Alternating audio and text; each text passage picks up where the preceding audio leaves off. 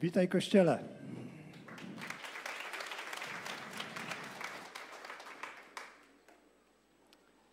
Wiele się działo w ostatnim czasie. Na przestrzeni ostatnich tygodni e, mieliśmy wielkie uwielbienie na naszym stadionie, koncert. Wszystko tam było, chwała Mu. Później, dzień później, mieliśmy możliwość tutaj gościć Robi Dawkinsa, który y, nam tutaj usługiwał.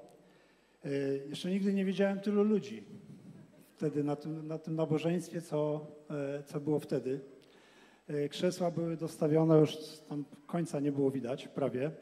Myślę, że wielu ludzi przyszło tutaj z taką nadzieją, że będzie posługa uzdrowienia. A tutaj okazało się, że Robi miał przesłanie i mówił na temat, że wszystko, co jest potrzebne do tego, aby uzdrawiać, jest w każdym wierzącym. I zachęcał nas do tego i modliliśmy się o to i przyjmowaliśmy ducha odwagi, żeby z odwagą pójść i to robić. A tydzień temu nasz pastor mówił tutaj na temat tego, żeby przyjść i pić wodę życia, którą Jezus dał Samarytance, i którą chce dać każdemu z nas. I wielu ludzi wyszło tutaj po to, żeby się napić i nie pragnąć już później na wieki. I można byłoby powiedzieć z tej perspektywy, że w zasadzie tak wyposażeni powinniśmy pójść i zdobyć nie tylko Wrocław, ale cały świat. Ale okazuje się, że nie do końca tak jest.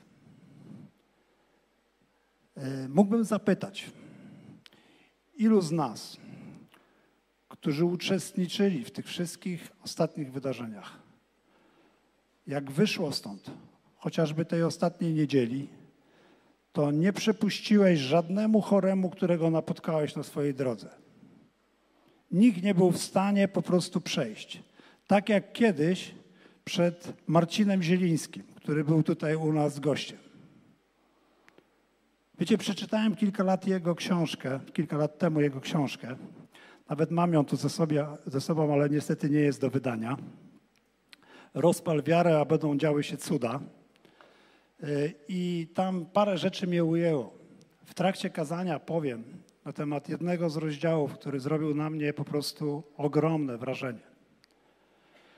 Y, ale tak jak powiedziałem, są jakieś trudności, są jakieś przeszkody w tym, abyśmy aktywowali to, co mamy.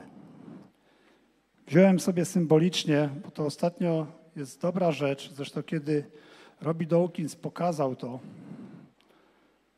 to kartę, którą każdy z nas ma, powiedział, że to jest autorytet. Pastor ostatnio mówił o swojej amerykańskiej karcie, ja wziąłem taką, która no niestety już jest nieważna, ale jak widzicie, złota karta. I będę nawiązywał do tego dzisiaj, jakie są przeszkody w tym, aby tą kartę aktywować. Bo jest trochę przeszkód. E, nie powiem prawdopodobnie nic nowego. E, Maja tutaj powiedziała, że Jezusowi nie nudzi się powtarzać. Powiem pewnie rzeczy, które dla większości są naprawdę znane, słyszane wielokrotnie. Mało tu jest takich osób, którym brakuje wiedzy na ten temat, ale one nie są w nas ugruntowane. I tak naprawdę nie żyjemy według tego. Modliłem się o to bardzo dzisiaj. Tak jak Paweł, o ducha mądrości i objawienia o ducha mądrości i objawienia. Abyśmy wiedzieli, jakie jest bogactwo, które otrzymaliśmy jako wierzący, które wywalczył dla nas Jezus przez swoją kompletną, dokończoną ofiarę. I pierwszy, pierwsza przeszkoda, którą napotykamy w tym, to jest coś, o czym tutaj była niedawno mowa, to jest to, kim my jesteśmy w Chrystusie. Jaką pozycję my tak naprawdę zajmujemy w Chrystusie. Powiem Wam coś. Gdybym nie wierzył w to, że jestem Bożym Synem, że mam Bożego Ducha, że Chrystus mieszka we mnie, nie wyszedłbym dzisiaj tutaj na tą scenę. Co prawda mówię w pracy różnego rodzaju wykłady. Niektórzy nawet mówią, że się podobają. Taka psychologiczna wiedza. Ale wiem, że kiedy wychodzę tutaj, muszę polegać. Muszę polegać na Bogu. Muszę polegać na Duchu Świętym. Że sam z siebie nie jestem w stanie nic tej uczynić. I wierzę, że dzisiaj dzięki temu, że Chrystus mieszka we mnie, to słowo które dzisiaj powiem, ugruntuje się i wyda owoc. Nie będzie jak to, które było rzucone na drogę, nie to, które zostało rzucone między ciernie, ale padnie na żyzną glebę i naprawdę wyda owoc. A więc pierwsza sprawa, kim my jesteśmy w Chrystusie. I pastor nasz nie tak dawno czytał taki werset z Galacjan 4:1. Dopóki dziedzic jest dziecięciem, niczym nie różni się od niewolnika, chociaż jest panem wszystkiego.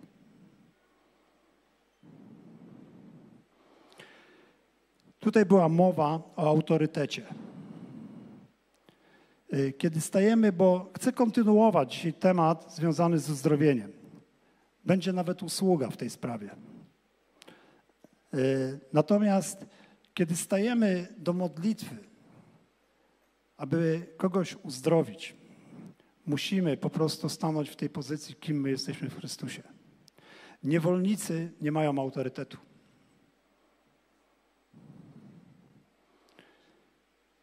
Syn ma autorytet. Jesteśmy Bożymi dziećmi i rzeczywiście nimi jesteśmy. Mówię oczywiście o wszystkich osobach, które narodziły się na nowo, które przyjęły Jezusa jako swojego Pana, jako swojego Zbawiciela. Jesteśmy królewskim narodem, wybranym. Jesteśmy ambasadorami Jezusa Chrystusa. W miejsce Chrystusa sprawujemy poselstwo. W miejsce Chrystusa dzisiaj mamy iść, głosić i szerzyć Królestwo Boże. Chrystus mieszka w nas.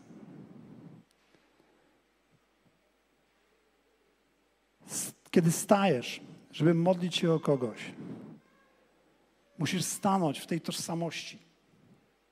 Musisz wiedzieć, kim jesteś. Musisz wiedzieć, jaką masz pozycję. To nie jest z nas. Bóg nam to dał. Druga sprawa to jest to, co my mamy w Chrystusie. Ta karta należy do mnie. Tu jest nawet moje imię i nazwisko z tyłu podpisane. Znaczy, jest moja tożsamość. Ale co tutaj na niej jest? Co my mamy tutaj? Przeczytam taki fragment z dziejów apostolskich 3:6. To jest fragment, kiedy Piotr uzdrowił tego chromego, który siedział przed bramą świątyni. I rzekł Piotr: Srebra ani złota nie mam, lecz co mam, to ci daję. W imieniu Jezusa Chrystusa Nazareńskiego chodź. I później podniósł go i ten człowiek zaczął chodzić.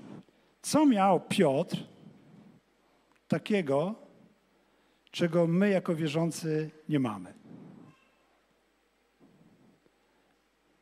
Srebra ani złota nie miał, Okej, okay. z tym się identyfikuję. Ale co on takiego miał? Miał to, co otrzymał w Górnej Izbie. Co otrzymał w Górnej Izbie? Ducha Świętego. Został ochrzczony Duchem Świętym. Może nie każdy z nas został ochrzczony w taki spektakularny sposób, jak on. Nie będę demonstrował, jak on wyglądał. Nasz pastor jest w tym dobry. On często demonstruje, jak wyglądał Piotr po tym, kiedy Duch Święty na niego stąpił. Ja się nie podejmę. Ja kiedyś tak wyglądałem, ale to stare i odległe czasy. I to, co wtedy było, to nie był Duch Święty.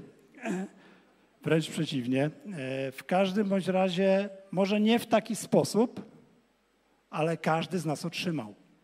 I każdy z nas ma. Ale on miał jeszcze coś, coś niezwykłego po tym, co się wydarzyło. On miał zupełnie nową tożsamość. Jakby tamten Piotrek w ogóle gdzieś przepadł. Jakby go nie było. Wiecie, jak to rozpoznałem, że on miał zupełnie nową tożsamość? To jest niesamowite. On wygłosił później, zaraz po tym uzdrowieniu, kazanie i mówi coś takiego. Dzieje apostolskie 3:14. Posłuchajcie tego. Wy jednak zaparliście się świętego i sprawiedliwego i prosiliście o ułaskawienie wam mordercy. Słyszycie, co on gada?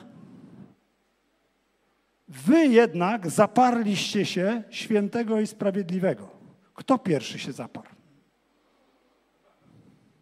Ja jak to przeczytałem, mówię, ty, ten gościu jest pierwszy, sam się zaparł trzy razy. I mówi, wy jednak zaparliście się. Nie ja, tylko wy. Czemu? Nowe stworzenie. Stare przeminęło. Oto wszystko stało się nowym. Kto jest w Chrystusie? Oto wszystko stało się nowym. Nie stawaj do modlitwy jako stary człowiek. Jesteśmy nowym stworzeniem w Chrystusie. Zupełnie nowa tożsamość. Niesamowite. On się w ogóle z tym już nie identyfikuje. Było dawno, umarł i narodził się na nowo. Zupełnie nowy człowiek. Druga przeszkoda. Drugą przeszkodą, jeśli chodzi o na przykład uzdrowienie, jest nieznajomość bądź niepewność Bożej woli co do uzdrowienia. My to niby wiemy, że Bożą wolą jest uzdrawiać. I powiem Wam naprawdę, to jest Jego wolą. Bożą wolą jest, żebyś był zdrowy, żebym ja był zdrowy. Skąd to wiem? Stąd. Pierwszy Tesaloniczan 5:23. A sam Bóg pokoju niechaj was w zupełności poświęci, a cały duch wasz i dusza i ciało niech będą zachowane bez nagany na przyjście Pana naszego Jezusa Chrystusa. A cały duch wasz i dusza i ciało niech będą zachowane bez nagany. Bez nagany to bez nagany. Ale okazuje się, że wielu chrześcijan ma do tego sporo wątpliwości. Uważają, że z tym uzdrowieniem to jest tak, że Bóg jednych uzdrawia, drugich nie. Nazywają to suwerennością i nie wiadomo do końca, czym on się kieruje.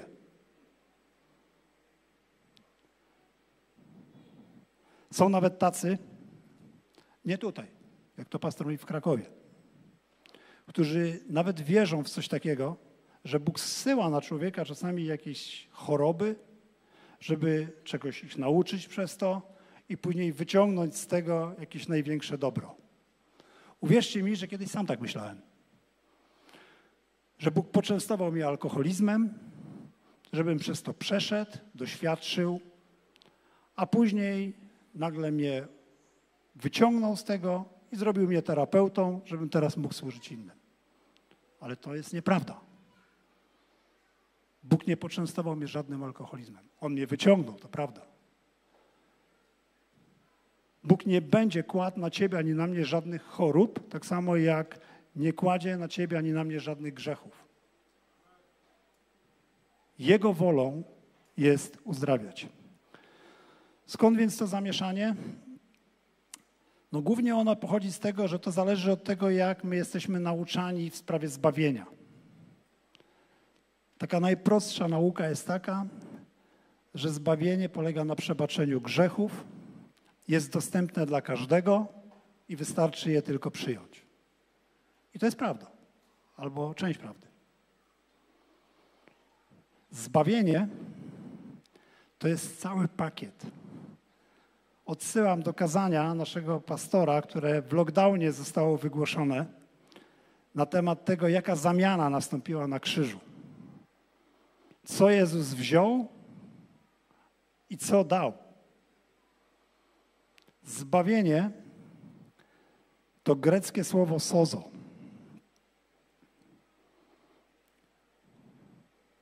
Nie wiem z jakichś powodów zaczęto oddzielać przebaczenie grzechów od uzdrowienia. Chociaż z reguły w Biblii te dwa pojęcia, przebaczenie grzechów i uzdrowienie, występują razem. Przeczytajmy, co pisze Izajasz w 53 rozdziale, w piątym wersecie. Lecz On zraniony jest za występki nasze, starty za winy nasze, grzechy. Ukarany został dla naszego zbawienia, a Jego ranami jesteśmy uleczeni. Choroby.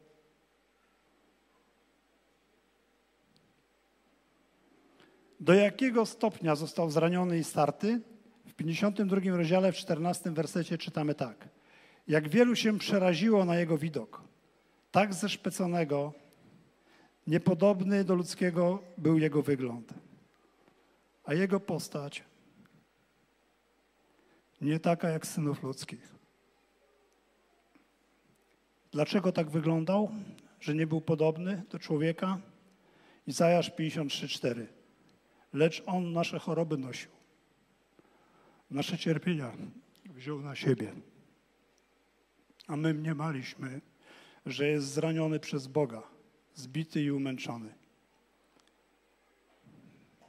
Inny fragment pisma które mówi o uzdrowieniu i przebaczeniu grzechów razem, właśnie na początku naszego nabożeństwa żeśmy odśpiewali. Ale to nie jest piosenka. Jak wszedłem tutaj dzisiaj, wszedłem troszeczkę wcześniej, kiedy nasz zespół jeszcze miał próbę i usłyszałem tą pieśń.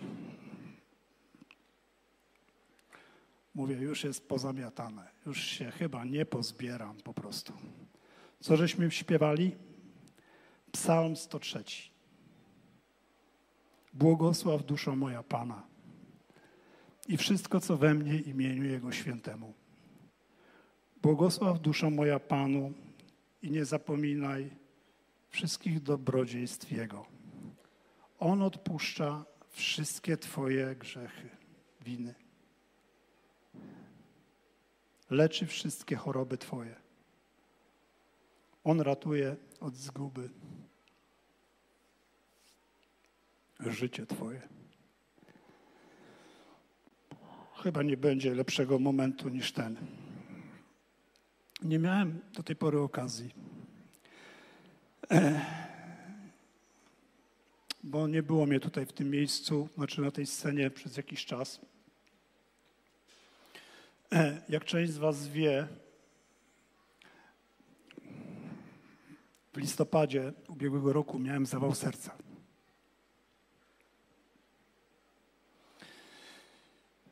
Poważny, rozległy zawał. Wiem, że wiele osób w tym kościele modliło się o mnie. Nigdy wcześniej w życiu nie odebrałem w ciągu tygodnia pobytu w szpitalu tylu SMS-ów i nie musiałem pocieszyć tylu ludzi.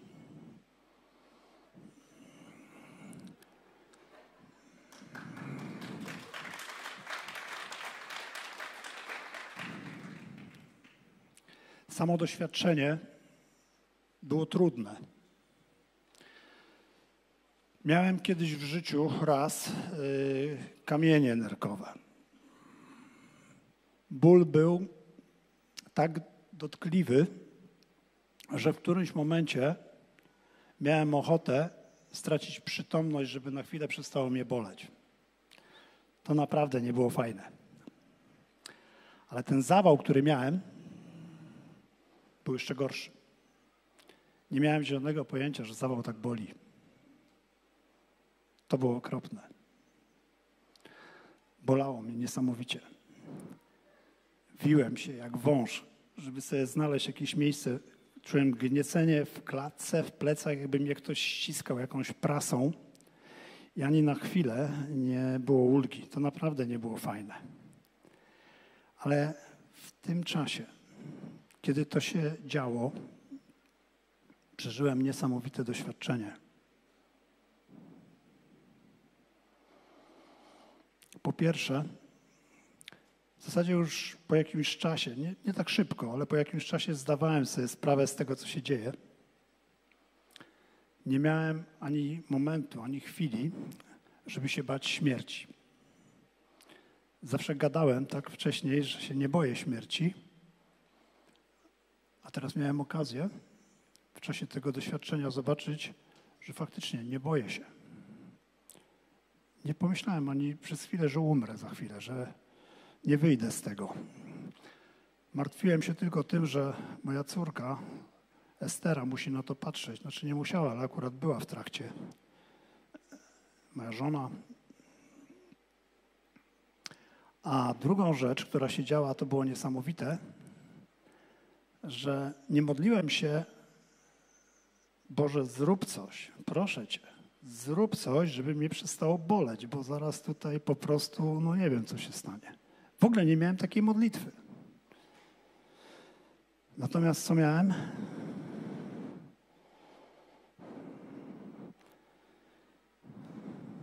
Jezu mój kochany, Boże, Panie mój, już wiem,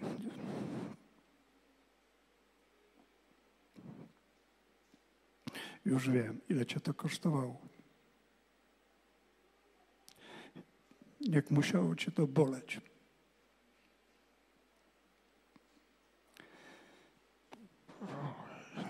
Nie wiem, jeżeli to miało być jakiś, bo to się stało w bardzo dziwnych też okolicznościach. Byłem w trakcie pracy, byliśmy na obozie. Naprawdę działy się wielkie rzeczy. Modliliśmy się o chorych, byli uzdrawiani, ludzie byli chrzczeni Duchem Świętym miałem w tym dniu mieć ważne przesłanie, naprawdę ważne przesłanie. I wiem, że to był atak. Moją najbardziej ulubioną piosenką, którą dziesiątki razy słuchałem, będąc w szpitalu, było w ogniu ze mną, był ktoś jeszcze.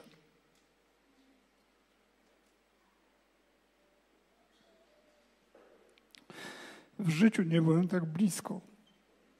Jeżeli to miał być zamach na moją wiarę, żebym zwątpił, albo pytał Boga, czemu mi to robisz, to diabeł sobie strzelił w kolano. Naprawdę, uwierzcie mi, strzelił sobie w kolano.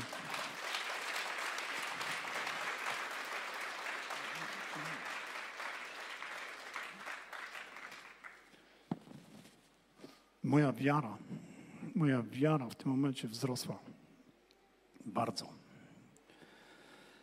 O, dobrze. Dziękuję Wam, Kościele, za Waszą modlitwę chociaż Bóg mnie e, wyciągnął, zanim zdążyliście się pomodlić. On jest dobry. On mnie kocha. On mnie kocha. I Ciebie też. Dlatego chcę, żebyś był zdrowy. Naprawdę chcę, abyś był zdrowy.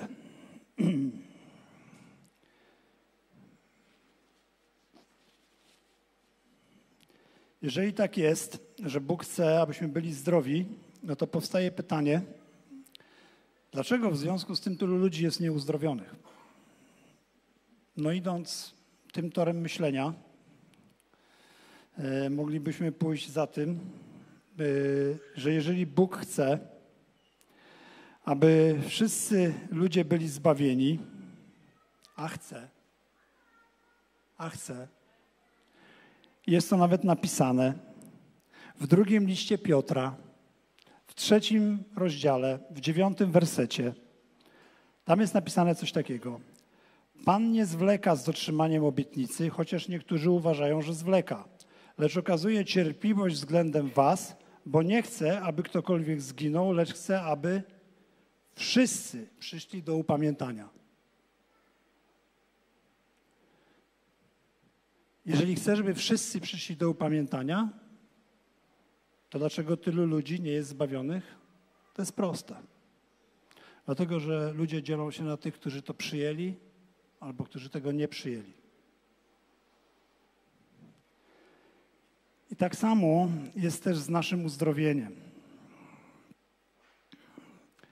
Teraz na obozie w Pomysku mieliśmy, bo jeszcze przed y, tym spotkaniem chwała mu myśmy mieli obóz w Pomysku. Między innymi nasz pastor pastorował nam usługiwali i mieliśmy tam temat walka duchowa. A takim podstawowym wersetem, który nam towarzyszył, był następujący werset z Jakuba 4,7. Przeto poddajcie się Bogu, przeciwstawcie się diabłu, a ucieknie od was. Godząc się na chorobę w swoim życiu, ani nie poddajemy się Bogu, bo Jego wolą jest uzdrowienie, ani nie przeciwstawiamy się diabłu, bo Jego wolą jest kraść, zabijać i niszczyć to, co Jezus wywalczył dla nas na Golgocie.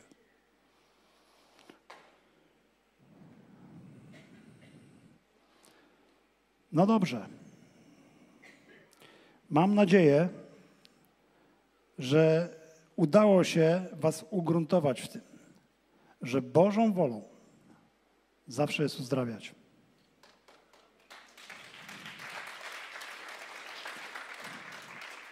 Zawsze jest uzdrawiać. Jezus napisał tak. A takie znaki będą towarzyszyły tym, którzy uwierzyli. W imieniu moim demony wyganiać będą, nowymi językami mówić będą, węże brać będą do ręki, a choćby coś trującego wypili, nie zaszkodzi. Na chorych ręce kłaść będą, a ci wyzdrowieją. Był tu u nas Marcin Zieliński.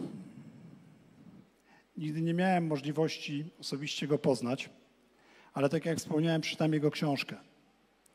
I tam jest taki rozdział. Wiara i cierpliwość. Wiara i cierpliwość.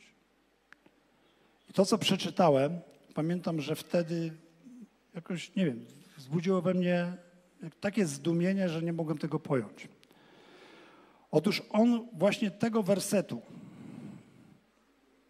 że tak powiem, się czepił.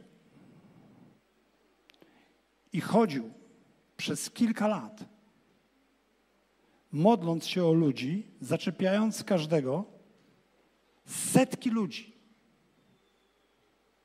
nie widząc żadnego przejawu uzdrowienia u nikogo z nich.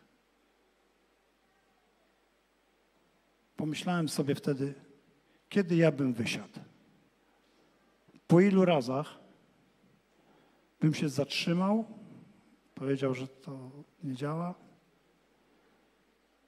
narażając się na śmieszność, narażając się na różnego rodzaju rzeczy, on chodził i modlił się o chorych.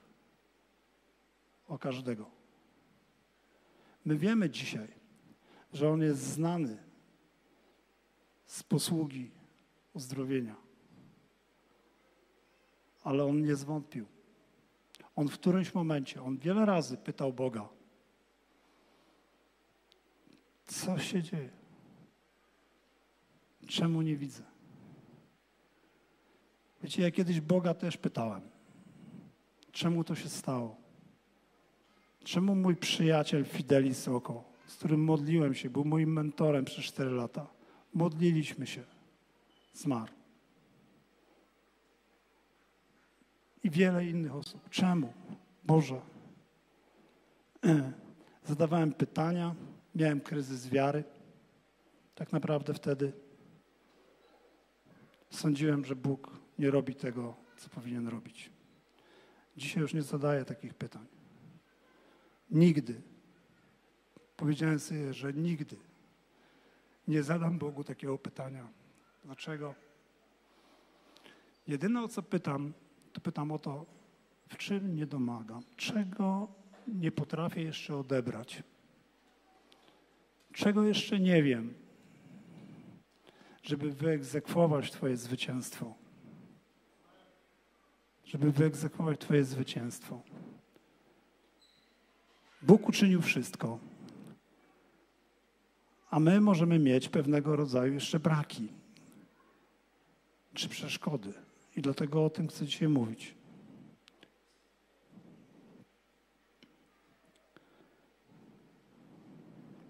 Przygotowując się do tego kazania, tak sobie zajrzałem, ile jest chorób według klasyfikacji ICD-10. Bagatela. 14,5 tysiąca około. Ale jest przygotowywana nowa wersja. Dla lekarzy mam dobrą wiadomość.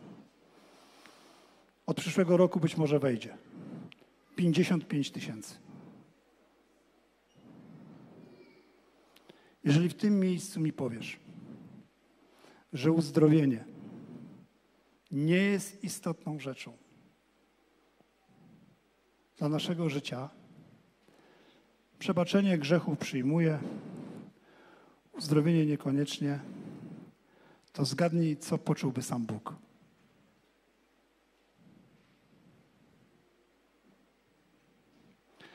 Dlatego weźmy to, za co Jezus zapłacił najwyższą cenę, za co oddał swoje życie. Ale jest kolejna jeszcze przeszkoda, bo ktoś mógłby zapytać, czy, nie wiem, masz 100% skuteczności, facet, jak się modlisz o chorych? Nie. Czemu? Z tego samego powodu, co uczniowie Jezusa. Często. A jaki był ten powód? Pamiętacie, co się działo z tym epileptykiem?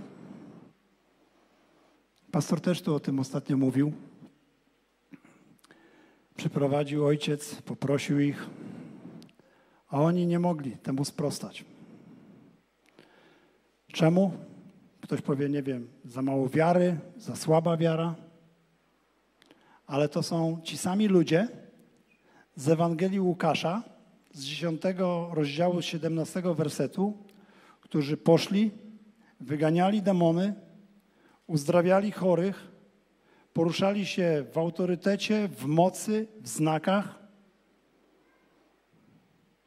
To są ci sami uczniowie. Co się stało? Co się wydarzyło? Gdyby oni nie mieli wiary, wzięliby się w ogóle za Niego? Ktoś z nas by się wziął?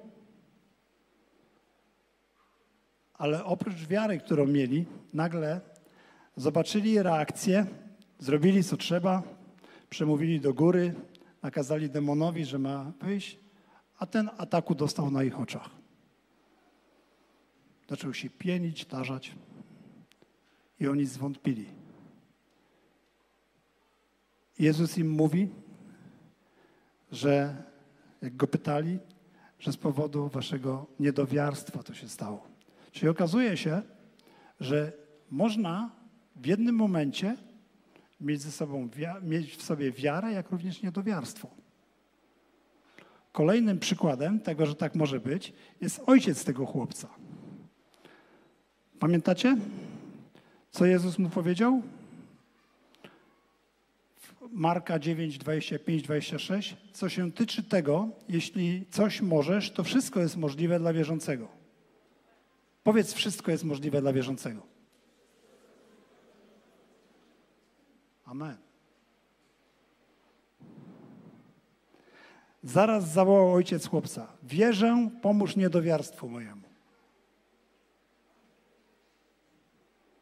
Czy Jezus mu odpowiedział, gdybyś naprawdę wierzył, jak mówisz, to nie miałbyś w sobie tego niedowiarstwa? Nic takiego mu nie powiedział.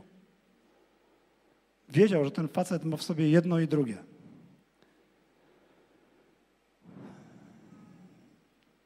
Wiara, nie, niewiara nie, nie, nie jest bardzo subtelna. Naprawdę. Przychodzi na kilka sposobów. Jednym ze sposobów, kiedy przychodzi niewiara, jest na przykład coś takiego jak niewiedza. Wielu ludzi nie ma w ogóle wiedzy. nigdy nie byli nauczani, że jest możliwość, żeby być uzdrowionym.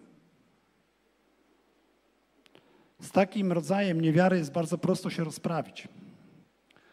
Wystarczy, że człowiek nabędzie właściwą wierę, wiedzę, ma otwarte serce, przyjmie i z niewiary będzie wiara. Gorzej jest już z drugim rodzajem.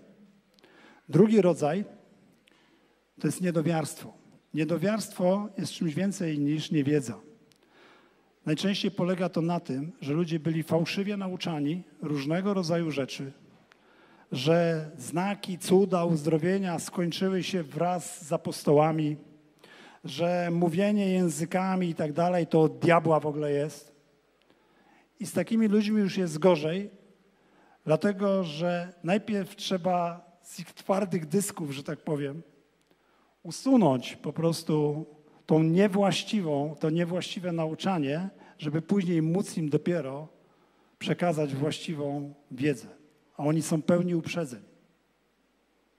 No i trzeci rodzaj, to jest właśnie ten, o który zderzyli się uczniowie, to jest taka naturalna niewiara.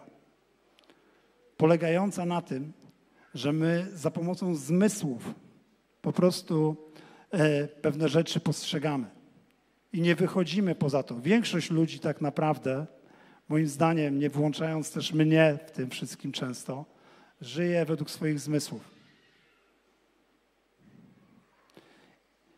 Co prawda, jak jedziemy samochodem i ty prowadzisz, a ja siedzę obok, to wolałbym, żebyś prowadził go przez swoje zmysły niż przez wiarę.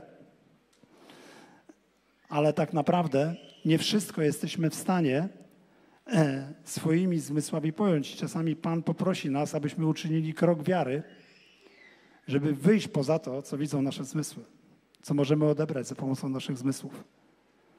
I to właśnie stało się z uczniami, że to, co oni zobaczyli, okazało się większe niż w to, co wierzyli.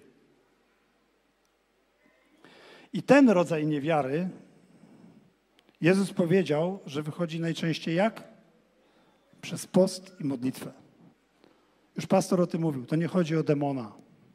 Niektórzy uważają, że ten rodzaj demona wychodzi przez post i modlitwę. Później powstały całe teologie, że jedne demony są mocniejsze, drugie tego i tego, to trzeba postem. Pojęć coś.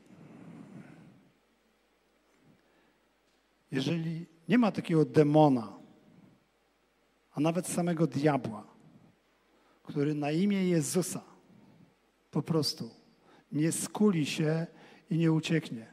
I żaden post i modlitwa nic tu nie dołożą. Tylko imię Jezus. Ale my potrzebujemy tego. Postu i modlitwy, żeby się pozbyć tego rodzaju yy, niedo, yy, niedowiarstwa. Yy, Czasami nam się wydaje, że mamy zbyt mało wiary.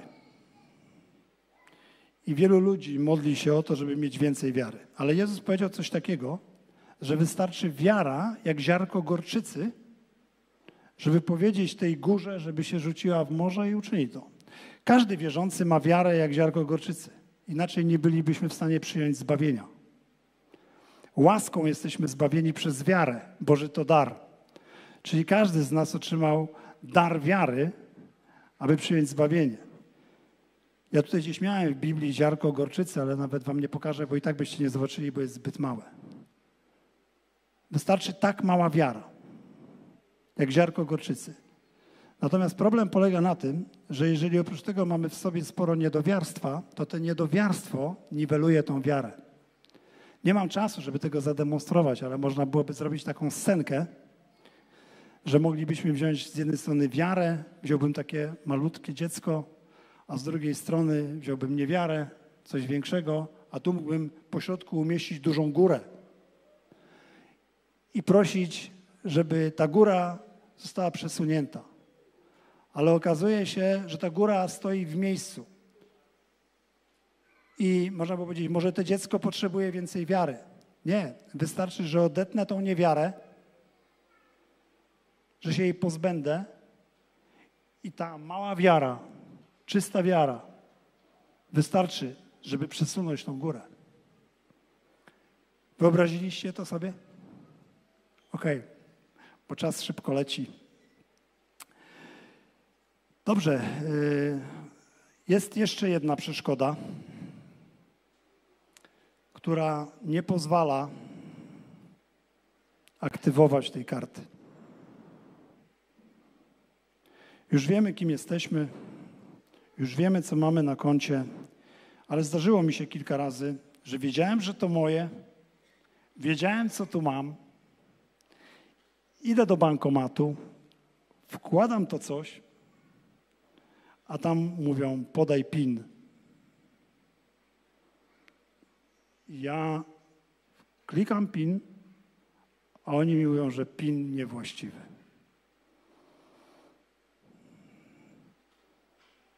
Jak to było?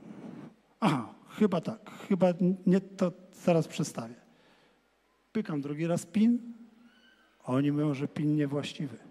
Dwa razy zablokowałem sobie kartę z powodu niewłaściwego PIN-u.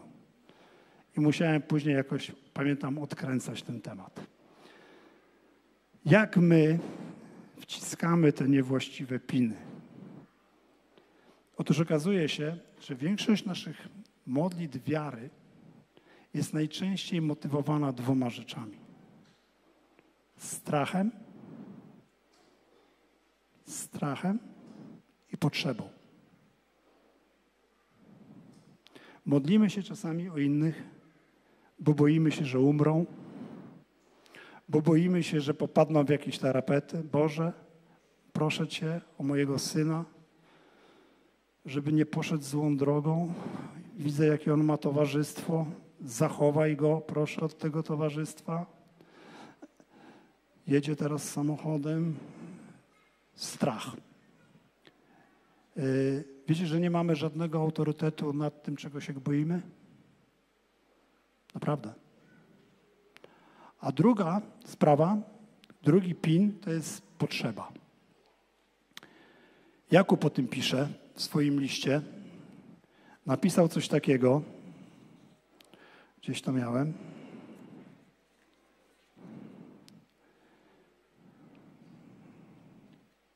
Sorry, dużo kartek.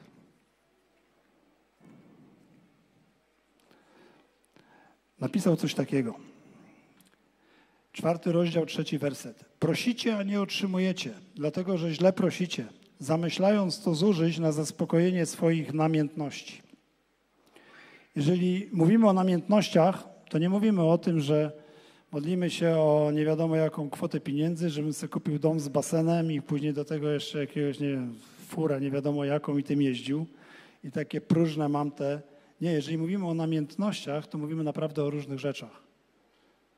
Na przykład modlimy się, Boże, proszę Cię, zmień tego mojego szefa w pracy, bo przecież no, mobbing tutaj w ogóle jakiś jest. Proszę Cię, zrób coś, żeby on stąd odszedł i żeby go tu nie było. I proszę Cię, bo gaz podrożał, yy, proszę Cię teraz, żeby po prostu tam, nie wiem, coś i tak dalej. Ale tak naprawdę yy, to cały czas modlimy się o zaspokojenie jakichś naszych rzeczy. A jest napisane w Galacjan w piątym rozdziale, szóstym wersecie, bo w Chrystusie Jezusie ani obrzezanie, ani nieobrzezanie nic nie znaczy, lecz wiara, która jest czynna w miłości. Wiara, która jest czynna w miłości. I to jest ten pin. Wiara, która jest czynna w miłości. Co to znaczy? Modlę się o swoje dziecko. Nie dlatego, że boję się, że coś się stanie. Modlę się o swoje dziecko, dlatego że Bóg kocha moje dziecko. Modlę się. Boże, dziękuję Ci, że tak kochasz mojego syna, moją córkę, że jesteś w stanie ich zachować. A nawet gdyby poszli jakąś niewłaściwą drogą, to nie zwątpię w Ciebie. Nie powiem, dlaczego to zrobiłeś. Dlaczego tak się stało? Ufam i wierzę. I uwierzcie mi, nie mam żadnego upoważnienia, żeby o tym mówić. Ale przechodziliśmy w życiu takie rzeczy. Modliliśmy się, wierząc, że Bóg zrobi coś ze względu na to, że kocha. I kiedy modlisz się osobę chorą, się o nią modlił, to niech ta modlitwa płynie z wiary, że Bóg kocha tą osobę. Boże, dziękuję Ci, że kochasz tą osobę, że umarłeś za nią, oddałeś swoje życie. Twoje ciało zostało poranione, aby ona mogła być zdrowa. Dlatego teraz, w imieniu Jezusa, mówię do Ciebie, chorobo, niemocy, cokolwiek, usuń się w imieniu Jezusa. Miłość. Miłość musi kierować naszymi modlitwami. Nie strach, nie potrzeby. Wiara odpowiada na miłość.